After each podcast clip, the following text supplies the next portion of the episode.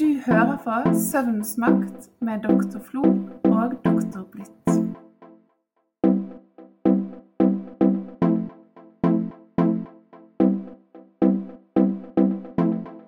Ja, hei, Kjersti.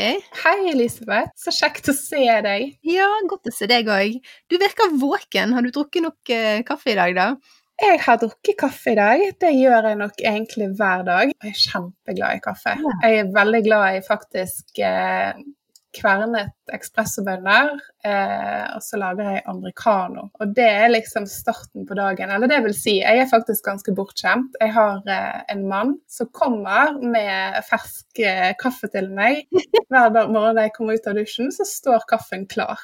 Fantastisk. Så det er en veldig fin, eh, fin sak. Men jeg drikker nok eh, oh, Hvor mange kaffekopper drikker jeg i løpet av en dag? Jeg vil anslå kanskje kanskje opptil fem.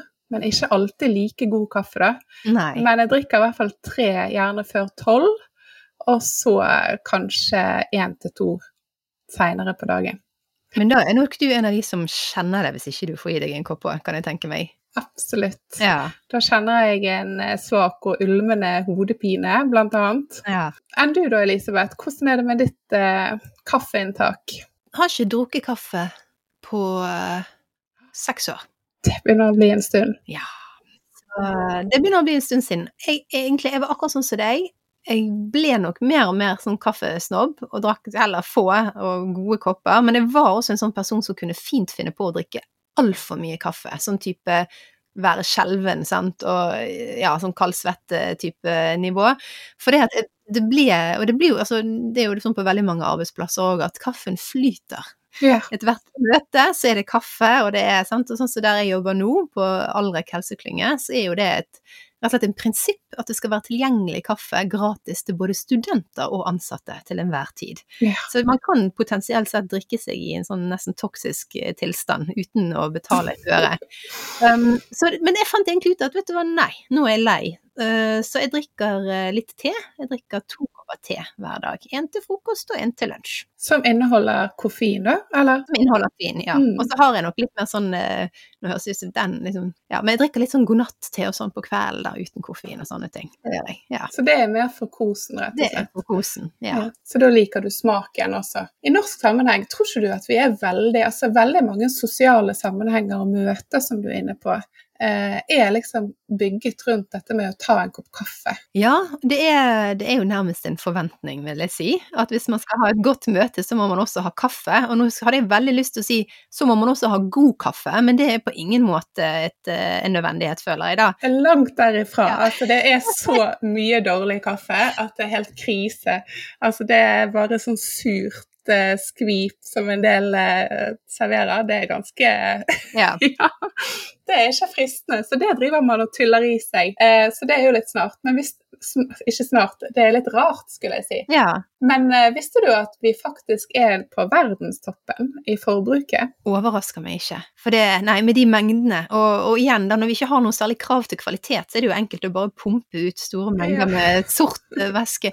Nei, vet du hva, men det overrasker meg ikke. Men da er jo det også litt interessant å tenke på nettopp dette da med hvordan påvirker kaffe søvn? For da er vi nok sannsynligvis en nasjon hvor det er litt eh, mer, eh, litt flere mennesker enn det som hadde vært heldig, som kanskje også sover dårlig pga. kaffe. Og det er jo litt det vi skal snakke om i dag. Egentlig liksom hvordan ulike substanser og drikker og ting som vi gjerne tyller i oss i sosiale sammenhenger, Mm.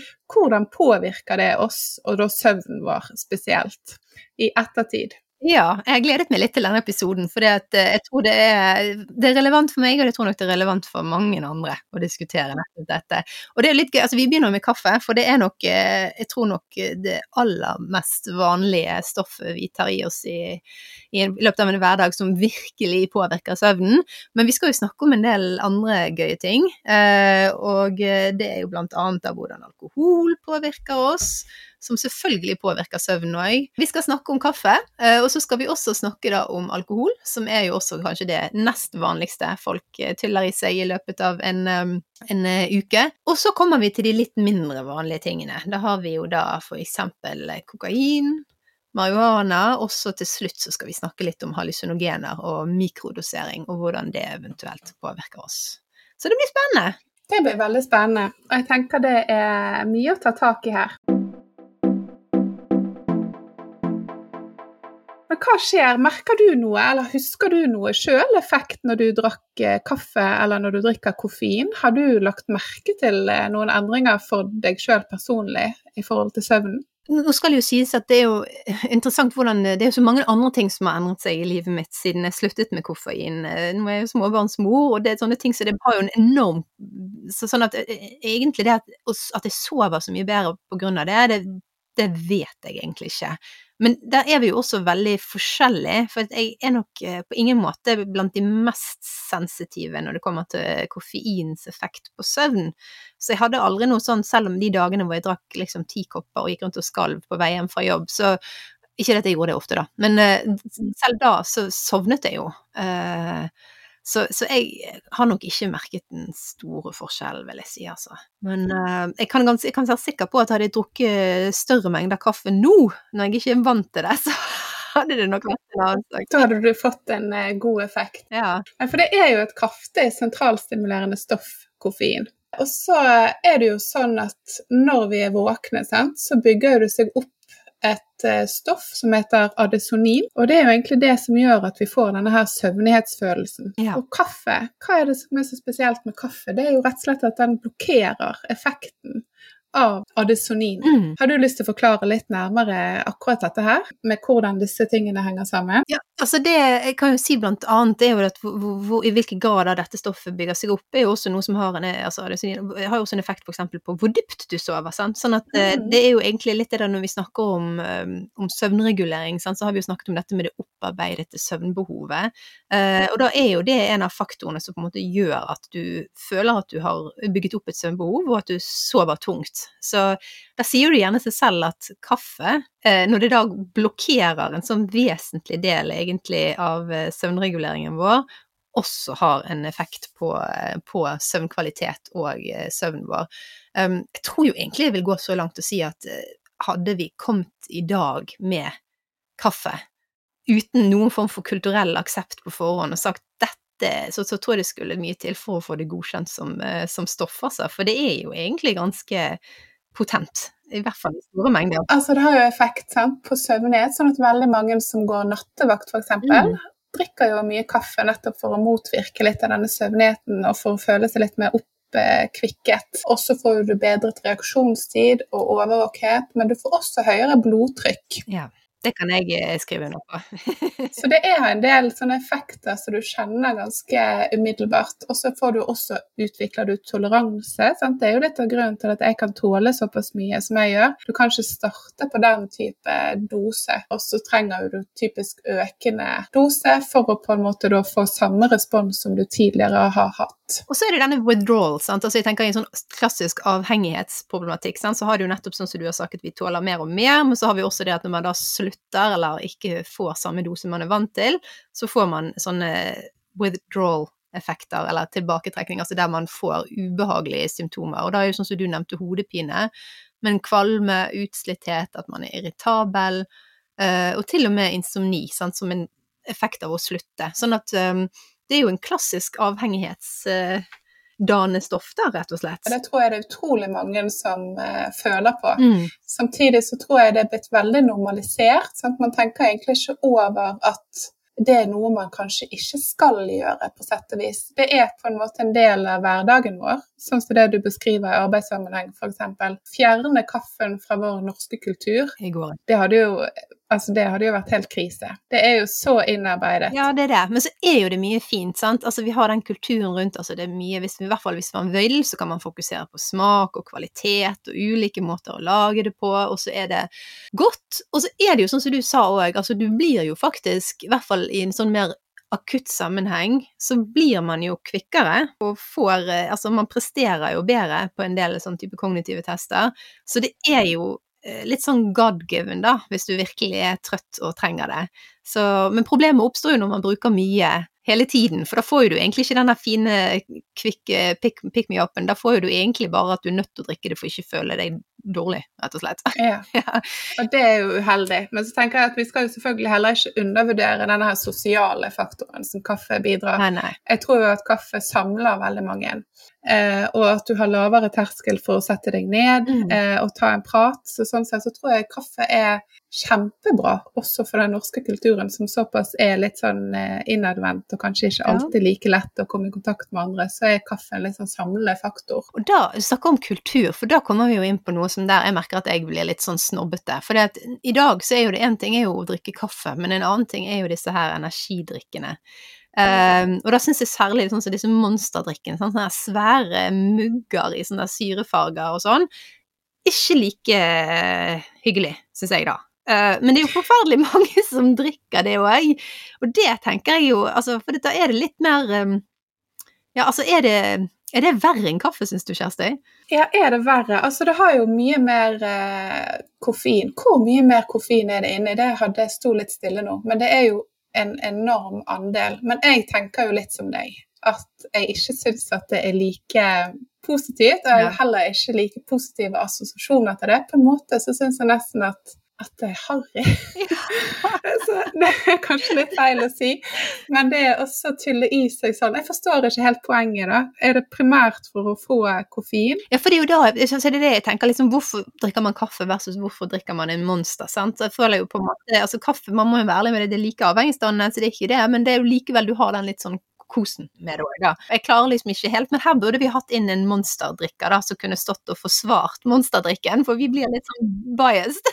Her er vi snobber. Det er jo åpenbart, Elisabeth. Her er vi, vi skal ha, vi skal ha gode, gode ekspressbønner, Ja. god kaffe, ikke sånn filterskvis, og i hvert fall ikke sånn her eh, Red Bull og tilsvarende med, med drøssevis av eh, koffein. Ja, men så er det jo sånn unikt, nå bor jo vi i et kaldt land, sant, men eh, jeg husker jo veldig godt for noen år tilbake når jeg hadde en sånn eh, reise gjennom USA, og særlig, og dette var jo da om sommeren, så det var jo, jeg husker særlig når vi var i New York, så var det så varmt at jeg visste ikke hvor jeg skulle gjøre av meg. Og da drakk jeg fortsatt kaffe, og da var jo det helt uaktuelt å drikke kaffe. Ja. Så da husker jeg faktisk at jeg drakk Red Bull. ja, men da kan jeg forstå det i en sånn setting. Sånn at det er jo kanskje da litt situasjonsavhengig. litt det. For det er jo noe med det at vi pleier å feriere i Italia om sommeren, Ja. og der er jo det espresso, sant? altså en liten sånn shot. Og det å sette seg ned med en sånn stor kopp kaffe, som mange gjør her i Norge, eh, det hadde jo blitt helt feil Ja, ja, ja. eh, i 30-35 grader og tilsvarende. ja. Så det er jo selvfølgelig noe med, med situasjonen. Litt sånn der, altså, i Norge at det kanskje nettopp derfor det er så viktig med kaffe òg for oss, fordi at vi, vi sitter og fryser. Ja. Drikke noe varmt, og hvorfor ikke drikke kaffe? Det er nok eh, sannsynligvis det. Men så er det jo, eh, i forhold til forskjell på Monster og kaffe, så så jeg eh, her at for en som veier rundt 50 kilo, så, så er det egentlig nådd maksgrense for hva som er sunt å drikke av koffein, på under en halv boks med Monster. Og det er jo egentlig litt tankevekkende. Ja, jeg tenker det. Eh, Så jeg kjenner litt på at det, det er litt eh, Altså, da må man jo være litt forsiktig, da. Og det er nok sikkert det òg som er med en del av disse drikkene. Nå er det nok litt regulert i Norge, da, men du, du drikker Det skal kanskje det mindre til å drikke altfor mye Monster, kanskje, for noen. Ja, for det, er jo noe med dette med optimal effekt. Det er det du er litt inne på nå. Ja. At det skal egentlig ikke så veldig mye til for å oppnå denne her eh, optimale og da kanskje gode effekten av koffein som man tilstreber. For det har lang halveringstid. Er det ca. fem timer. Det er jo lenge. Så det er egentlig litt verdt å merke seg. Og derfor så er jo høyere inntak egentlig unødvendig. Det fører bare til svette, kaldsvette og skjelving, og ikke noe positivt. Og det har man jo ikke lyst på. Og det er det man snakker om alkohol igjen, at man finner liksom den gledespromillen. Så er det jo også med koffein, at du må finne den der, akkurat den der eh, fine balansen der du får energi og føler deg mer våken, men du ikke får disse her eh, andre uheldige effektene, da. Mm. Men fem timers salveringstid, det betyr jo at det ikke er mange koppene du egentlig trenger i løpet av en dag, for å si det sånn. Og så hvordan påvirker det søvnen vår da, Elisabeth? Hva tenker du om det? Det kommer jo litt an på eh, når du har drukket og hvor mye du har drukket, og så er det også noen individuelle forskjeller. Så i sånn søvnbehandlingssammenheng så pleier man ofte å ha som en sånn tommelfingerregel at du bør ikke drikke kaffe etter klokken fem, men jeg har vært borti personer som er nødt til å slutte med kaffe mye tidligere på dagen enn det, mm. for å unngå effekt. Og det er gjerne det typiske man ser, særlig hvis man har drukket det utover ettermiddagen, det er jo nettopp dette med, med lengre søvnlatens. At det tar rett og slett lengre tid å, å sovne. Du ligger våken og ser i taket og får ikke sove. Og det i, i seg selv er jo forferdelig irriterende, i hvert fall hvis du, er en jobbdag, og det kan jo nettopp da, hvis det er en jobbdag, føre til at ikke du får sove like lenge som du vil, for da må du likevel stå opp til samme tid. Og det er ikke nødvendigvis egentlig så lett å ta og skjønne den koblingen automatisk, for det er ikke sikkert at man attribuerer den søvnlatensen til den kaffen Nei. som man tok klokken tre tidligere på dagen. sant? Eh, sånn at man må egentlig vite litt om koffein sin virkning for å på en måte sette dette inn i en sammenheng. Ja, og så tror jeg eh, Ja, det er både den sant, at, og Særlig hvis du er litt sånn sensitiv, så er det jo hvis tommelfingerregelen er fem, sant, men du kan jo da risikere å være en av de uheldige som har eh, negativ effekt på, på innsovning, selv om du har sluttet å drikke til lunsj. Og da skal det nå i hvert fall mye til å gjette seg fram til det. Uh, men, men, har man et problem med å sovne, så ville jeg absolutt vurdert å teste ut hvordan det er å kutte ned eller slutte tidligere med kaffe. Så, nei, for det er, det er jo heftig. Men så er det jo òg selv for de der som sier ja, men koffein har ingen effekt på søvnen min i det hele tatt. Uh, så er det jo da disse mindre merkbare endringene som at uh, rett og slett dypsøvn blir undertrykt, at man har mindre dypsøvn. Og det er i hvert fall ikke nødvendigvis noe man merker eh, og, tenker over. Nei, på ingen måte. Sant? Og det er jo noe som man gjerne må ha en sånn polysonografisk undersøkelse for å se. Sant? Altså at, eh, Så avdekkende, ja. Eh, og det er ikke noe som man tenker over. Eldre også mister jo mer eh, dyp søvn. Yeah. Eh, altså Etter hvert som vi eldre, så mister vi jo en stor andel av den dype søvnen. Men det er jo ikke sånn at vi reflekterer over det eller har et bevisst forhold til det. Nei. Noen vil kanskje kjenne at søvn ikke følte Altså de føler at ikke de hadde like god søvnkvalitet som de skulle ønsket. For det er jo ofte, særlig hvis det er markant nedgang i dyp søvn, så vil man liksom merke at søvn føltes ikke like restituerende, sånn vanligvis ville gjort. Men da skal jo det ganske store endringer til. Men den endringen på dyp søvn tror jeg nok for en del er absolutt eh, et reelt problem, selv om man ikke nødvendigvis merker det liksom fra dag til dag, da. Mm. Så, så, selv da, for dette er jo litt sånn en buskap. Selv om du tror at kaffe ikke er krise for deg å drikke på kveldstid, så kan det absolutt hende at du egentlig sover mm. dårligere likevel. Og så kan man endre seg litt i forhold til hva man tåler. Sant? Sånn at man må på en måte også være litt bevisst på at endringer i søvnen kan kanskje knyttes til inntak. Ja. Så man må litt, være litt var for det også. Følge litt med. Men så er det jo også sånn, en ting er jo selve den fysiologiske effekten, men så er det jo òg det der med Altså, du blir jo aktivert av kaffe, og, også da snakker vi om litt sånn personlig sårbarhet òg. Hvis du i utgangspunktet er en person som har en tilbøyelighet til å bli stresset, ligge og tenke for mye, liksom tankekjør, og dermed slite å sove på grunn av det, så kan jo også koffein være med på å øke den, altså det tankekjøret eller engstelsen mm. eller bekymringen, sant? for dette nettopp er aktiverende. Så, så, det er jo da to, altså det er to ting her. Sant? Det ene er jo den konkrete effekten som på adenosin, sånn som du sa innledningsvis, mm. men så har man jo mer disse mer sånn sekundære, potensielt sett psykologiske effektene av koffein, som også kan være med på å påvirke søvn. Det er jo det som vi har litt lyst til å unngå, er jo den her aktiveringen når vi skal gå og legge oss. Så derfor så er det fint hvis man er bevisst på sin egen sårbarhet, sånn at man i større grad klarer å tilrettelegge for å minimere den aktiveringen. Og det er jo veldig ubehagelig å være kroppslig aktivert. Altså hvis du f.eks. har stått eh, i en diskusjon like før du skal legge deg, så kjenner jo du det fysisk. Ja. Hvordan kroppen din på en måte pulserer mer. Og det kan være krevende for deg å roe deg ned. Ja, og der er det litt interessant, for det er faktisk sånn at ofte så har vi en del kroppslige ting som skjer, sånn som f.eks. økt eh, hjertebank og den type ting. Og det vi gjør da, av og til skjer sånne ting, Og så er det opp til oss å tolke hvorfor banker hjertet mitt nå. Mm. Og det vi er mest tilbøyelige for å tenke da, er at noe må jo være alvorlig gale. For dette er jo egentlig en respons som man er forbundet med litt sånn flight of uh, Flight of fight. Mm. Ja. Sant? Så at man er den aktiveringen tolkes da umiddelbart som noe negativt, mens det egentlig er jo bare en ren fysiologisk respons på at du har drukket for mye koffein. Um, så jeg har faktisk en veldig interessant opplevelse. Jeg var hos uh, tannlegen og skulle trekke en visdomsjeksel. Og jeg pleier ikke å være supernervøs. Og så satt han bedøvelse, og så plutselig så fikk jeg et enormt hjertebank. Og nå har jeg litt sånn metakognitive evner, så jeg klarte på en måte å liksom kjenne at, Gud, hva er det som skjer nå? Så jeg sa liksom all denne bomullen i munnen at oi, jeg tror jeg var mer nervøs enn jeg hadde forventet. For jeg, hjertet mitt banker sånn. Og så sa han det er adrenalin. Yeah. Så da kicket det inn. Men bare det da å klare liksom og så da, da tenkte jeg nå må jo noe være alvorlig gale. Jeg er jo kjemperedd. Så da leitet du etter en årsak sant? i omgivelsene eller i situasjonen som du var en del av. Og litt det samme er det kanskje med koffein for en del. Sånn at man må være bevisst på disse virkningene, Mm. og hvordan man på en måte klarer å tolke sine egne signaler og ha selvinnsikt til å sette det inn i en, en eh, mer riktig sammenheng. Da. Så der er det rett og slett, så koffein er jo da eh, en av verstingene, egentlig, når det kommer til stoffers effekt på søvn, vil jeg si. Men, men vi skal ikke stoppe å drikke kaffe den grunn. Så vi er positive til kaffe, men samtidig det har en del eh, negative sider ved seg som vi alle sammen må på en måte ta inn over oss og klare på en måte å reflektere over. Da. Ja, jeg tror litt som en prioritering. ok, De som vet jo at ok, det er kanskje ikke det beste for meg å drikke mye kaffe, så drikk kaffe riktig. Drikk god kaffe tidlig på dagen, nyt det med god samvittighet. Det er jo sunt òg. Det har sine positive sider, det har det virkelig. Og så, så nyt det. Men, eh, men hvis du sliter med å sove, så kan jo du være litt oppsta. Hva med alkohol da, kjære Elisabeth? Ja. Er det noe som du eh, liker? Er du glad i et glass eh, god vin?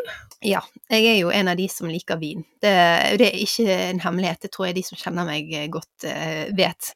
Det er eh, faktisk i går så ringte mannen min, og så når han ta, tok telefonen så sa han 'vin', så sa jeg ja, det var det jeg skulle si, du må huske å kjøpe vin.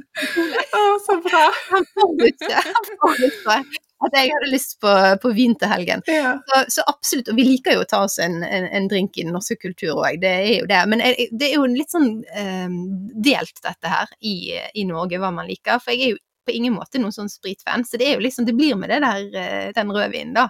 Eh, så det er det jeg egentlig liker. Så du har ikke fylt opp eh, skapet ditt med vodka og den type ting? Nei, det skal sies, jeg har en rosa gin, men den er litt sånn for sommeren, må jeg si, altså. Det, det er det. Men du da, du liker vel rødvin du òg, Kjersti? Ja, det gjør jeg, men jeg er absolutt eh, mest glad i hvitvin. Ja. Men jeg er kjempeglad i å ta meg et glass eh, vin. Det syns jeg på en måte er en sånn eh, utrolig fin eh, greie på en, eh, både i helgene og andre dager, egentlig. Ja. Det trenger ikke alltid bli så store mengder, men jeg er veldig glad i liksom, den kosen rundt det. Jeg syns særlig nå i mørketid, altså, at det er litt sånn kaldt og sånn, og da er det jo altså, jeg, fall, jeg synes nydelig med hvitvin òg, men nå på vinterstid så syns jeg liksom et sånn eh, romtemperert eh, glass med rødvin frister mer, da, vil jeg si. Ja. Og så er det, men det er jo da, altså du sier liksom begrensninger, for nå har jo det kommet nye anbefalinger i forhold til helse, og der er man jo egentlig sånn at man, man skulle tenkt seg at man helst skulle hatt eh, sånn nullkonsum av alkohol. Mm. Og der kjenner jeg at der kommer nok jeg, jeg er egentlig ganske sunnhetsbevisst, men der tror jeg nok aldri jeg kommer til å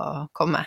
Kutte ut alkohol helt. Det gjør nok ikke jeg heller. Det er rett og slett det har, ikke, det har jeg på en måte ikke ønske om, selv om jeg eh, logisk forstår det og jeg kan se empirien som ligger til grunn for det, eh, så er på en måte da det en, en risiko, eller et risikobilde som jeg er da villig til å leve med, da, på sett og vis. Og så da prioritere, litt sånn som med kaffein, altså litt sånn gjør det, gjør det heller riktig, sant. Kos deg skikkelig med et glass til helgen og, og sånn, og så- heller eh, prøve seg uten i løpet av resten av uken.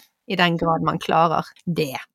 Og så er jo det også en samlende faktor. Vi har jo på en måte snakket om det med kaffe og det sosiale, og det å ta seg et glass vin, hvis jeg og du skal treffe sant? Eh, en kveld, så tar vi jo lett et glass vin eller to sammen. ja, ja. ja. Det er på en måte litt, det er også en del av det norske, tenker jeg, å samles rundt det på den måten. Og når vi er inne på SSB sine sider, altså Statistisk sentralbyrå sine sider, så ser vi jo at det er ganske vanlig, da. Én av tre drikker alkohol hver uke. Jeg faller absolutt i den kategorien. Ja, det vil jeg òg si. Og er det, vel, det er vel noen sånne nyanser i forhold til det der òg. Hvem som drikker eh, mest. Jeg har forstått det sånn at de med høy utdanning er syndere der, sånn sett, da. Og, da er det vel ikke nødvendigvis mest som i mest på én gang, men mest som i sånn totalt sett, da. At man drikker ofte. Hyppigere, men gjerne da mindre doser per gang.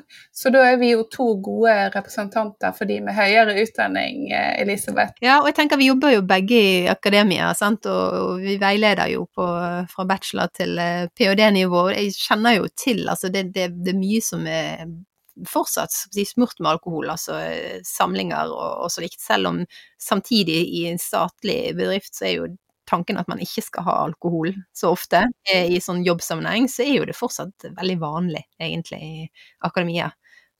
Men jeg tenker at eh, så litt på disse listene at alkoholkonsumet vårt er jo litt ulikt fra hvilken aldersgruppe vi befinner oss i. Ja. Og at yngre har en tendens gjerne til å konsumere mer, eh, og da ofte da sjeldnere at de har seks enheter eh, pluss altså ytterligere per gang de drikker, mens da eldre har større spredning. Sant? At du drikker gjerne seks eh, enheter i løpet av en uke, men du kan gjerne da fordele det over flere dager. Så da er det jo litt uttrykk for hvordan man på en måte eh, benytter seg av det, og hvilken sammenheng man eh, inntar det. Sant? Og hvordan man på en måte bruker det, rett og slett. Og da er det jo, altså jeg tenker på, på altså, vi er jo ikke akkurat, Jeg vil jo ikke si at jeg er sånn superstolt av drikkekulturen eh, i Norge, da, vil jeg si. Nei, det, jeg tenkte jo litt på det i lys av dette med Red Bull og Monster og disse koffein. Jeg føler det passer litt i samme kategorien hvis du Du, du er jo en del som binge-drikking, at du rett og slett drikker for å bli full. Du drikker ikke fordi at du syns at vin er godt, eller det er godt med et glass med øl. Du drikker for å nettopp bli beruset. Da. Og det er jo to veldig ulike Nærminger. Det er sånn, jeg husker det var en som sa en gang 'jeg skal drikke så jeg kjenner det', ja. sa vedkommende. Så tenkte jeg ja, det er jo også en tilnærming.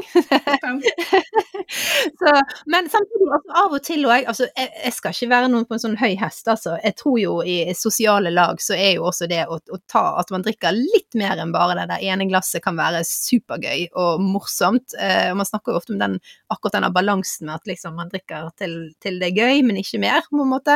er jo også en, en fin ting å, å, ha som en sånn hovedregel, da.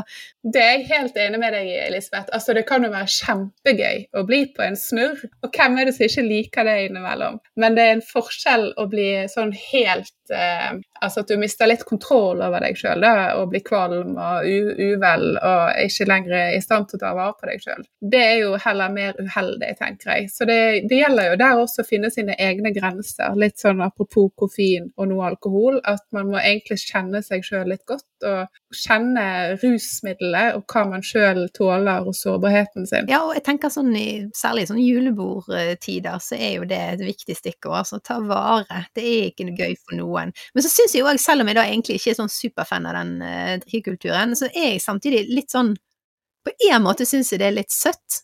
At nordmenn, som egentlig er ganske stive og, og egentlig litt sånn, kan bli litt sånn firkantete til tider, kan ha ganske stor takhøyde, egentlig for at noen eh, gikk på en snurr, eh, og at man liksom tolererer det, da. Jeg syns det er litt sånn morsomt at der er man egentlig ganske sjenerøs. Ja, veldig, og det er jo kjempefint. Det er jo egentlig ja, er utrolig bra at vi på en måte ikke tenker negativt rundt det, men snarere tvert imot er litt mer sånn raus, egentlig, i møtet. Det tror jeg ikke er tilfellet i Frankrike og Italia. Sant? Der har man mer litt sånn eh, det å drikke seg fra sans og samling. Sosialt selvmord. Sant? Og jeg tror du for all del du blir noe dømt her òg, hvis du virkelig ikke klarer å ta vare på det selv, det er ikke det, men jeg tror likevel at vi har litt takhøyde, da. Så jeg tenker takhøyde er stort sett bra.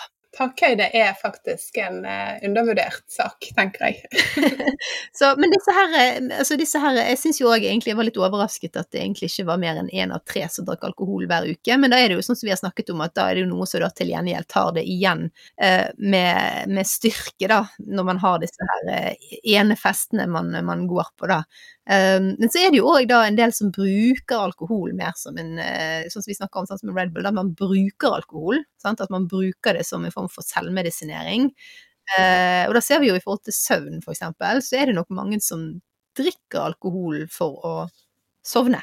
Men hjelper det, da? Klarer man å sovne fortere med alkohol, eh, Kjersti? Det gjør man jo faktisk. Altså hvis man har ulike Altså hvis man har symptomer på insomni, altså søvnløshet, sant, og strever gjerne da med innsovning, så kan jo eh, alkohol lette innsovningen. Ja. Det kan jo være en erfaring man gjør seg. Mm. Også basert på den erfaringen så velger man kanskje å gjenta det hvis man opplever det på nytt, istedenfor kanskje å ta tak i det underliggende problemet til hvorfor man erfarer dette med insomni, eller hva er det som gjør, eller søke behandling. Sant? Og det kan jo bli en veldig uheldig sirkel, fordi at da må du gjerne øke dosen. Sant? Hvis du har sovnet greit noen ganger, så kanskje du må drikke enda mer for å få sove. Og så er det jo òg litt sånn Det er litt sånn lureri dette her, da. For selv om man sånn umiddelbart føler man sovner fortere, og det er til og med noen studier som viser at, eh, at den første halvdelen av natten er faktisk ikke så gale egentlig engang. Eh, men så vet vi jo da at stort sett eh, når da alkoholen forlater kroppen, så sover man forferdelig mye dårligere. Sånn at summen, totalsummen da, selv om man da eventuelt skulle kjenne på en litt sånn herlig raskere innsovning, særlig hvis man sliter med insomni, så er totalsummen stort sett at man egentlig har dårligere søvn. Ja. Så det er jo en sånn Ja, man lurer seg selv litt, da. Det er rett og slett en uh, veldig uheldig, et veldig uheldig valg, da.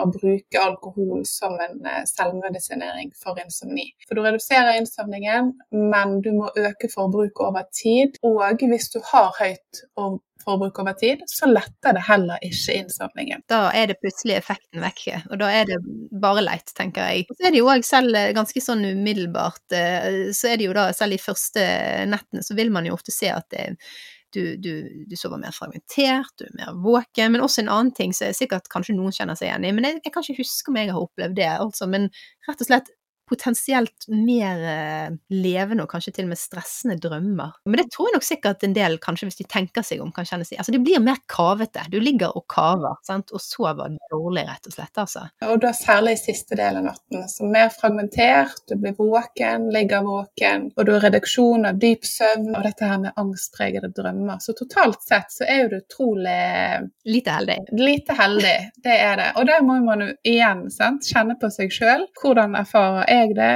Hvordan eh, Er dette på en måte en konsekvens av dette inntaket, eller er det andre faktorer som har medvirket til det? Hva er det som skjer, på sett og vis? Yeah. Så er det sånn at søvnvansker er jo så vanlig hos mennesker som har alkoholisme, og også i lang tid etter at vedkommende er tørrlagt. Ja, Så du kan rett og slett, du ødelegger litt på en måte søvnreguleringen, rett og slett, med å bruke mye alkohol over lengre tid. Ja.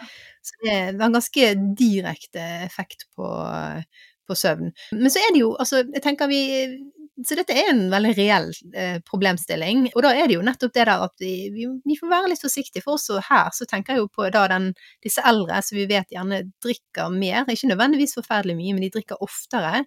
Så vil selv, altså ikke selv forholdsvis små mengder alkohol vil likevel kunne ha en effekt f.eks. på total mengde dyp søvn, kan jeg se for seg. Sånn at eh, hvis du da i utgangspunktet ikke engang egentlig sover så godt, så gjør et glass vin eller to det er i hvert fall ikke nødvendigvis bedre. Jeg har hatt flere som har henvendt seg til meg i forhold til dette med alkohol, som da har egentlig stilt spørsmål ved hvorvidt det er verdt det. Ja. Altså, er det verdt det å kose seg med det og ha gleden rundt det, og så kjenner du at totalt sett så får du så lite god søvn samlet sett. Og dette har vært mennesker litt oppi i årene, sant? gjerne sånn ja. noen og 60, og så tenker du at uh, her er det et eller annet som skjer som kanskje ikke er ønskelig. Så det er jo noe med det å kjenne på seg sjøl og prøve å ta gode valg for en sjøl. Og så er det jo potensielt sett uh, kjønnsforskjeller òg her, da. Altså, jeg ser jo f.eks. at i overgangsalderen så kan f.eks. dette med alkohol påvirke søvn kanskje mer Altså det er mer potent negativt for kvinner som da i utgangspunktet sliter med søvn pga. overgangsalder, så kan dette her være litt sånn siste dråpen da som virkelig ødelegger eh, natten. Så det er forskjellig hvor sensitiv man er. Da. Ja, og da blir det en sånn interaksjonseffekt sant? mellom ulike faktorer i livet ditt som på en måte kan dra deg ned. Men så tenker jeg at det der at når man er i en sårbar fase, så kan det være greit av og til kutte ut alkohol for eksempel?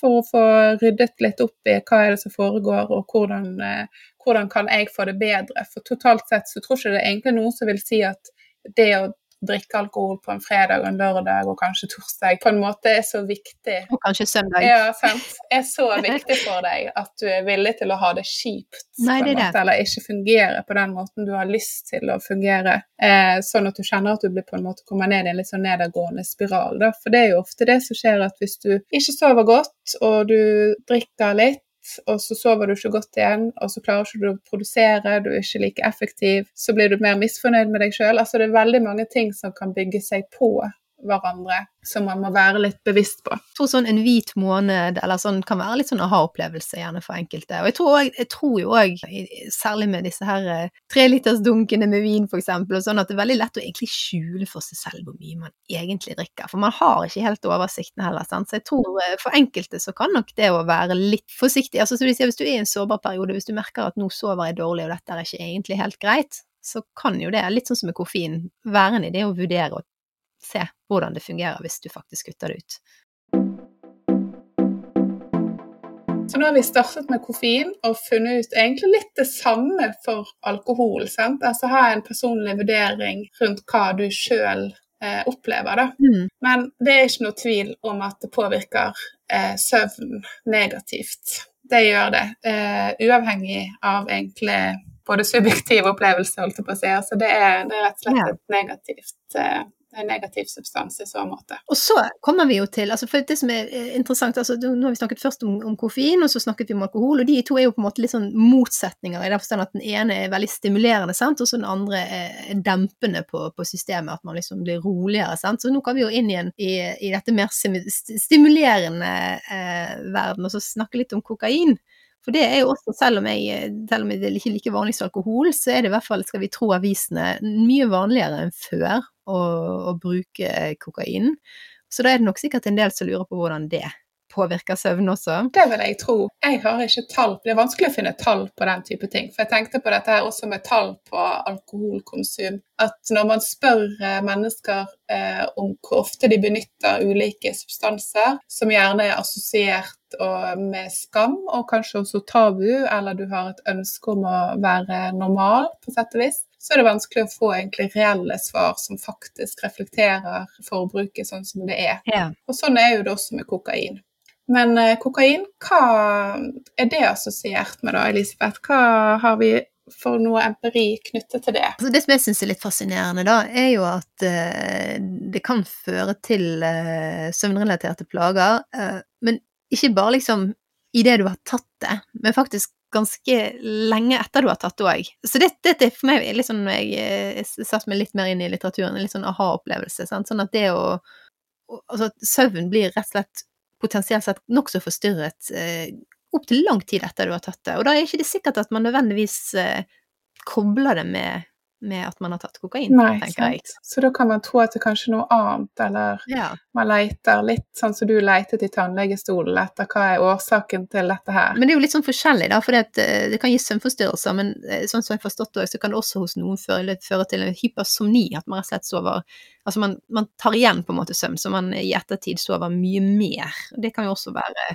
plagsomt. Det ødelegger i hvert fall søvnreguleringen. Så det har egentlig ganske dypt eh, og inngående effekter. Og så er det vel litt sånn at når man eh, slutter med det, da, altså hvis man har benyttet seg det over en periode, og så slutter man med det, og det er gjerne da varig, så tenker man at dette normaliserer seg, og at søvnen har på en måte blitt normal etter en stund, etter noen uker faktisk. Mens hvis man da har gjort ulike målinger på de som dette gjelder, så ser man faktisk at det fremdeles er forverring i flere søvnparametere, selv når det har gått en periode fra man faktisk benyttet det sist gang. Ja. Og det er jo litt interessant også i lys av det som vi har diskutert tidligere, at vi har en tendens til å kanskje undervurdere effekten av det å ha redusert søvn totalt sett. At vi hele tiden tenker at dette tåler jeg. Og det går jo litt på vaner, gjør ikke det, Elisabeth? Mm. Hva vi er vant med, og hva forventninger vi har til oss sjøl, og hva vi på en måte innstiller oss på kan bli normalen, på sett og vis. For det er jo ikke sikkert at alle har opplevd å føle seg helt uthvilt, f.eks. Nei, og det tenker jeg jo på her òg, at det er jo nesten sånn, og det tror jeg òg i forhold til at kokain er blitt så populært i, enkelte sirkler, er nok litt det der òg at eh, sove kan du gjøre når du blir gammel, på en måte. Sant? At man skal liksom bare være på, man skal få med alt, er sånn fear of missing out, og så er det Så jeg tenker, altså da kan jo kokain nesten bli som plaster, fordi at man uansett er forventet å være deltakende i ganske høyt tempo, og så for i det hele tatt å klare å føle seg våken, sant, så holder ikke det med kaffe lenger, så folk tar faktisk kokain for å være på, ovenpå, sjarmerende, eh, i godt humør, eh, sant, og så er jo det en kjempeond sirkel, da. Så lenge som søvnen potensielt sett er påvirket òg, så er dette absolutt Du, du brenner lys i begge ender for å komme med nok et uh, litt forbrukt uh, bilde. Men, uh, men, altså, jeg syns jo det er litt sånn, hvis vi skal begynne å ramse opp det, nå snakket vi om dette med hypersomni, at man sover for mye, mm. men så er det jo òg dette igjen, litt dette med at drømmene blir påvirket, sant, at du har dårlige drømmer, depressivt humør, er agitert, sant? At du, sant? og at du også er utmattet. Altså det er, så det, er litt sånn du, du, du, virkelig bruker det selv litt opp da, når du tar et sånn type stoff. Og dette er jo ikke sånn som man nødvendigvis reflekterer over i forhold til det hvis man tenker å, å, benytte seg eller ta kokain. Sant? Altså I en situasjon der du har lyst til å være med og på og levere, så tenker du kanskje ikke så mye over hvordan effekten er over tid. Og særlig dette med depressivt humør. Ja, ja, ja. Da er det jo en viss fare for at du, det blir en nedadgående spiral. Og så er det jo litt det der igjen, altså hvis det er så normalisert i enkelte miljøer, og det er så hyppig man bruker det, så er det jo kanskje litt vanskelig å skille mellom hva er stoffet eller livsstilen, og hva er meg selv, på en måte. sant? Hva er state, og hva er trait? sant? Så, så det kan være krevende. Altså, jeg må jo si jeg Ja, jeg syns jo kokain høres ut som et stoff som på en måte er liksom vår tidsånd sin stoff, i den forstand at du skal liksom være så sosial, du skal være på, du skal liksom være suksessfull. Så jeg tror jo det er litt sånn, ja Det Kan være litt sånn greit å kanskje ta en sånn liten vareopptelling da innimellom, i hvert fall hvis du føler at dette er normalt å ta. Ja. Ta ett steg til siden. For det som er normalt i en krets eller ett miljø, er typisk på ingen måte det under andre omstendigheter. Så det er jo på en måte bare å være litt bevisst på det, tenker jeg. Hva effektene kan være, og søke informasjon om det, og også forsøke å ta det i betraktning. Men jeg tror jo dessverre at det kanskje er, er litt mye å håpe på. Tror ikke du det? At hvis du er i en sånn sammenheng, så blir du en del av den gjengen som holder på med det, og at det på en måte blir veldig normalisert. Og så er det vanskelig, men så samtidig, jeg tenker, jeg tror jo på en måte spørsmålet man må stille seg, da, hvis man tenker over at ok, disse kjipe symptomene som jeg nå har, det er faktisk av dette forbruket, så er det jo litt sånn som alkohol. Og er det verdt det? Er det faktisk verdt det? Eller er det mulig å eh, heller da ikke gå ut like ofte, men så bare være litt sånn rusa på livet når du går ut? Nå hørtes jeg ut som en sånn eh, Jeg vet ikke hva jeg hørtes ut som. Jeg er egentlig ikke sånn veldig sånn predikant, liksom, men jeg bare tenker at det er Men det er et eller annet med å i hvert fall tenke ok, trenger jeg faktisk Altså hvis jeg trenger et sånt stoff for å klare å ha det gøy når jeg går ut, er det, er det, gøy, da, egentlig? Og det er litt samme, Man kan jo si det samme for alkohol. sant? Du trenger jo ikke Så jeg tror jo det går litt på vane og miljø. Og fordi at vi alkohol er normalisert, mens for eh, er ikke kokain normalisert. Så derfor så får vi litt sånne røde flagg og er litt sånn hm, hva dette her er for noen ting. Eh, og så ser vi kanskje i større grad de negative effektene ved kokain og andre sentralstimulerende medikament eller eh, stoffer. Sånn at det er jo litt hva briller vi tar på oss, på sett og vis. Men så er det jo òg, det er jo farlig, da. Altså jeg tenker kokain, altså det er jo et farlig stoff. Og så er det jo litt sånn òg når ting er ikke lovlig, sant. Så er det jo hvilke kanaler er det du får dette gjennom, hva er det som egentlig er i dette her pulveret du plutselig har kjøpt så ikke du vet hva er. Um, så det er jo en del risikoer uh, som følger med at man ikke bare kan gå på polet, da. Absolutt.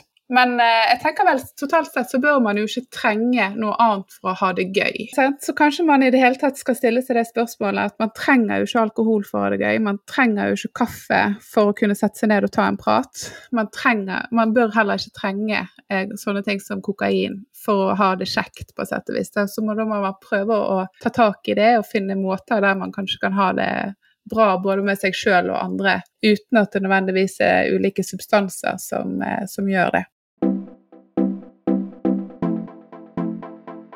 Og det er jo litt sånn, for det, det er jo liksom, jeg tenker sånn For meg er kokain det er sånn hard drugs, sant. Eh, og så kommer man inn på, på, andre stoffer, sånn som da cannabis eh, eller marihuana, som nå i enkelte land og stater er jo legalisert. Og da er det liksom, liksom I min verden da så framstår jo det liksom som litt sånn snillere, da, egentlig. Så jeg tenker sånn, Og så tror jeg òg at det er til og med en del som tenker at det å røyke faktisk eh, kan gi bedre søvn. Det vel, og det der er jo, går jo igjen med en del stoffer. Sant? At det er jo av og til litt sånn som alkohol. Og altså på kort sikt så kan du oppleve subjektivt bedre søvn. Og det har nok noe med at, det kommer, men det kommer jo veldig an på hvilken preparat det er innenfor denne enorme familien etter hvert med ulike cannabis- og marihuana-baserte stoffer. Men, men, men at det kan være beroligende. Men så er det igjen da dette med å bruke det på en usunn måte, og gjerne for mye, og gjerne over tid. Og da ser man det at kronisk bruk er jo i større grad assosiert med subjektive negative effekter. Og, og, gjerne særlig dette med at du er litt sånn avhengig, så hvis du da slutter, sant, så blir du plutselig Da får du veldig dårlig, sant? så du blir, blir avhengig av det egentlig da, for å ikke sove dårlig. Så da er det litt vanen din igjen også, hva du kroppslig og fysisk sett er, er vant med? Altså det er jo igjen bruk og litt sånn eh, kunnskap rundt det, og hvordan man gjør det. Men man ser jo da f.eks. at hvis man da prøver å slutte da på med cannabis, eh, så kan man ha sånn insomni-lignende tilstand der man sliter med å sovne og holde seg sovende. Og igjen, da, som vi har sett i en del av disse andre, rare drømmer. sant? Mer marerittlignende drømmer, kavete drømmer. sant? Eh, og dårlig søvnkvalitet. Så det er jo ikke Tror du at brukere er bevisst på dette, Elisabeth, egentlig? Eller tror du man diskuterer det? Ja, nå snakker jo du til en som ikke er innvidd i eh, cannabiskulturen. Jeg har ikke flagg på rommet mitt med sånn stort cannabisflagg. Eh, eh det, det, er ikke, det, er ikke, det. Så, så, det er sikkert veldig mye som skjer her som jeg ikke har peiling på. Men jeg, ser, jeg husker jo særlig fra eh, sånn en del steder i USA og sånn, så er det litt sånn, nesten en sånn idé om at dette er naturlig. Så det er jo per definisjon bra. Ja. Uansett, på en måte. Sant? At man har en litt sånn naiv holdning til det. For at dette er jo sånne fine blader, og det er jo godt for så, for så mye. Uh, men så ser man jo at um, altså det er jo utrolig mye sterkere og mer potent enn det, enn det det var på når våre foreldre ble tilbudt det i London på 70-tallet. Så da var det en helt annen plante, rett og slett. Og disse stoffene ja, altså dette er ikke bare bare. Men så ser man jo da at det er jo en del som har positive medisinske effekter når det brukes korrekt i en sånn mer medisinsk sammenheng. Da. Så da kommer de individuelle forskjellene litt til uttrykk også, sant? Og, eh, og, liksom da på en måte hvor kontrollert og hensiktsmessig bruk, da, vil jeg tørre å si. sant? Mm. Eh, det er jo forskjell på Det er jo på en måte hvis livsstilen din handler om eh, marihuana, på en måte, så er det jo veldig mye mer i den totale pakken der som, som fører til dårlig søvn, sant. Det er eh, manglende døgnrytme, dårlig, altså dårlig døgnrytmeregulering generelt sett. Sant? Altså den type ting som, som vil kunne spille inn òg, som en sånn totalpakke gjør at man ikke sover godt. Da. Det kan jo godt være ulike aspekt ved dette som vi ikke altså, har innsikt i ennå. At eh, det gjerne må gjennomføres bedre studier også.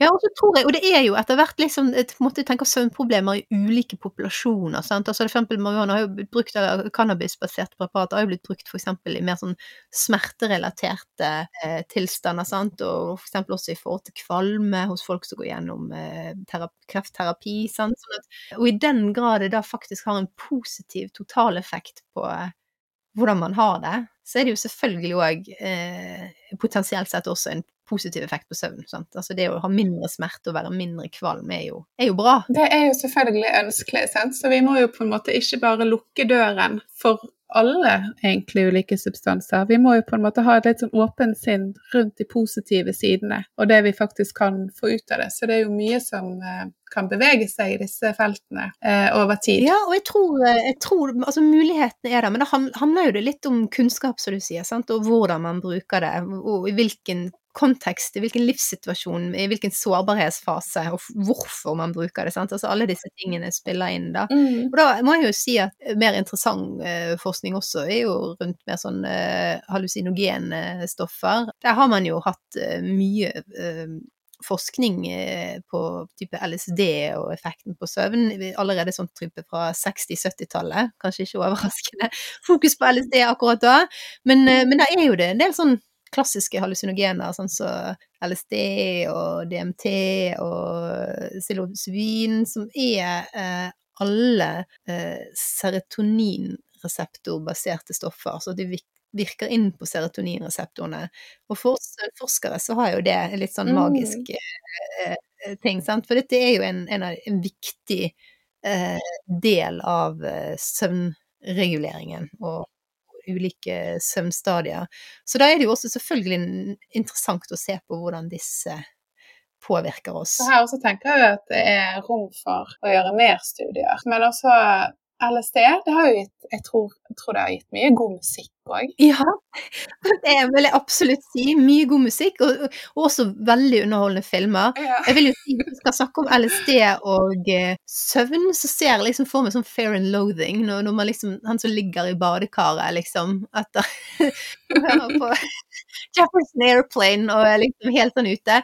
Og da er det jo, for da kommer vi inn på noe som jeg tenker med en gang vi egentlig kan bare slå fast. da, for det at eh, dosering her er jo et viktig stikkord, da. For så før, sant, altså hvis du tar en stor dose LSD og, og er ute eh, på tur i eh, flere timer, så er jo det selvfølgelig ikke særlig heldig for søvn. Altså, for sånn, du, du, du, sover, du, sover, jo ikke før du er ferdig med, med trippen, si det sånn. Nei, det gjør du ikke. Da er du i gang. Da er du i gang. Så det, sånn, i den forstand så er jo det selvfølgelig uh, uheldig. Men så ser man jo i senere år at det har jo blitt mer og mer uh, fokus på dette med sånn mikrodosering av uh, hallusinogene stoffer. Både mm.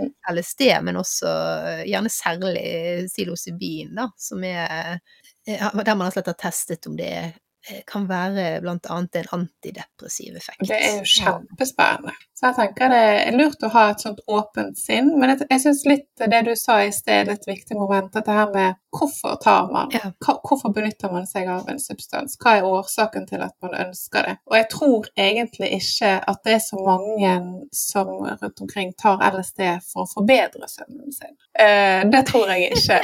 Og heller ikke for å være kjempeunderholdende i, i, i, på byen, liksom. Det, det tviler jeg på, jeg kan umulig vite, men jeg tror ikke det. Nei. Jeg tenker at vi skal være åpne i forhold til eh, hva effekten er, og at det kan være positive implikasjoner knyttet til det, men at det ennå er en lang vei å gå for å utforske det, og også i bestemte populasjoner med ulike konkrete symptomer. Sant? Ja, så det, det er, det, Der tror jeg det er et stikkord gjennom egentlig all form for sånn rus. Altså, jeg tror jo vi må uansett altså, det er litt sånn, Jeg merker jeg balanserer liksom på en knivsegg her, for jeg, jeg vil ikke framstå som dømmende. Jeg vil at folk skal gjøre gode avslutninger basert på egne refleksjoner. Men så må vi jo være ærlige på at eh, noen av disse stoffene vi har snakket om, er på en måte mer problematisk enn andre i dagens samfunn i hvert fall å ta. Og bare det i seg selv er jo på en måte en stigmatisering, og at det er sånn eh, kan bli et problem. Men da er jo også, syns jeg, disse hallusinogenene litt sånn en joker. For det at jeg føler eh, Altså, ja. Det er, det er nesten litt sånn Hvis du tar det, så er jo det egentlig fordi at du du hadde ikke råd til flybillett, liksom, men du har lyst til å oppleve noe nytt eh, likevel. så det kan også kan være en inngangsport for andre typer preparater som er mer negative. Sånn ja. det er jo ikke noe som du automatisk assosierer med en positiv livsstil eller eh, positiv utvikling. Du er liksom ikke helt på rett vei i livet ditt, tenker jeg, eh, hvis du holder på å ta LSD på jevnlig eller kokain på jevnlig basis. Sant? Så det er jo noe med det er i hvert fall perspektivet, da. Men, eh, men som sagt, det med mikrodosering er jo da blitt noe som også en del eh, miljøer blir på en måte mindre stigmatisert, da. For det at man forbinder det med økt kreativitet, og man tenker liksom at dette er en måte å ha gode ideer. Jeg vet jo blant annet i sånn type Silicon Valley-setting, at det er en del som liksom tenker at dette er måten å komme på det neste store gjennombruddet, om det er ja, eh, ja, innen teknologi eller sånn. Men så, så, hva er det vi går glipp av, Elisabeth? Hva er det vi går glipp av her? Men så er det jo igjen, altså, sant? hva er det andre måter å faktisk få in, in, impulser på andre måter? Men så er det jo da nettopp det jeg syns er mest interessant, det er jo da denne forskningen på, på antidepressive effekter. Sant? Og det er jo interessant, altså sånn antidepressiva det er jo eh, selektive serotonin-reopptak inhibitors, sant? altså serotonin går igjen, sant? Og da er det jo også interessant å se nettopp på også som hvordan mikrodosering fungerer på søvn. Og det man ser, er at i hvert fall uh, i forhold til uh, psilocybin, men også en del uh, altså sånn type LSD, har lignende effekter på søvnen vår som antidepressive stoffer har. Sånn at da er på en måte søvnen litt sånn i, altså, i passasjersetet. Det er ikke det at det er søvn som er hovedfokus i forskningen, men det er en interessant ting å se på, for det at man kan tenke seg at nettopp da de effektene man ser på, de antidepressive effektene man ser på når man eh, stimulerer disse serotonerge banene, eh, til stede da både i antidepressive medikamenter som i dag brukes, men også da disse mikrodoseringene av, av disse hallusinogene eh, stoffene. Så jeg tenker at det skjer en del spennende. Absolutt. Hvor, eh, ja, så du sier, vi, hvem vet i fremtiden da hvordan disse stoffene vil behandles? Det er veldig vanskelig å si. Sånn at jeg tenker at eh, det, det får tiden vise, rett og slett. Mm. Men nå har vi snakket oss gjennom både koffein og alkohol og sentralstimulerende, andre sentralstimulerende. Det er skikkelig fredagsstemning. Skikkelig fredags. Nå er det egentlig bare å legge beina høyt og så ta et par eh, glass vin. Ja, rett og slett. Nei, men vet du Dette er spennende, og jeg håper jo på en måte vi kan finne en eller annen unnskyldning for å komme tilbake inn til dette, og kanskje gå litt i dybden på enkelte av disse stoffene òg. For nå blir jo det litt sånn Vi går litt sånn på overflaten, uh, men vi, samtidig vi har jo på en time. Sant? Det er mye å dekke. Ja, jeg tenker at uh, det hadde vært kjempegøy å gå mer i dybden, særlig på de sistnevnte preparatene som vi var innom. Fordi at uh, her er det jo egentlig behov for mer kunnskap, tenker jeg. Det, det, det gleder jeg meg til, Kjersti. Så får vi heller uh, bare ignorere det potensielle dårlige søvn vi får av å ta oss uh, ett eller to glass rødvin i kveld. jeg tenker at vi sier skål, jeg, Elisabeth, og god helg. Og god helg. ha det godt. Takk for at du hørte på Søvnsmakt med Dr. Flo og Dr. Blitt. Følg oss gjerne på Instagram og Facebook for mer søvnstoff.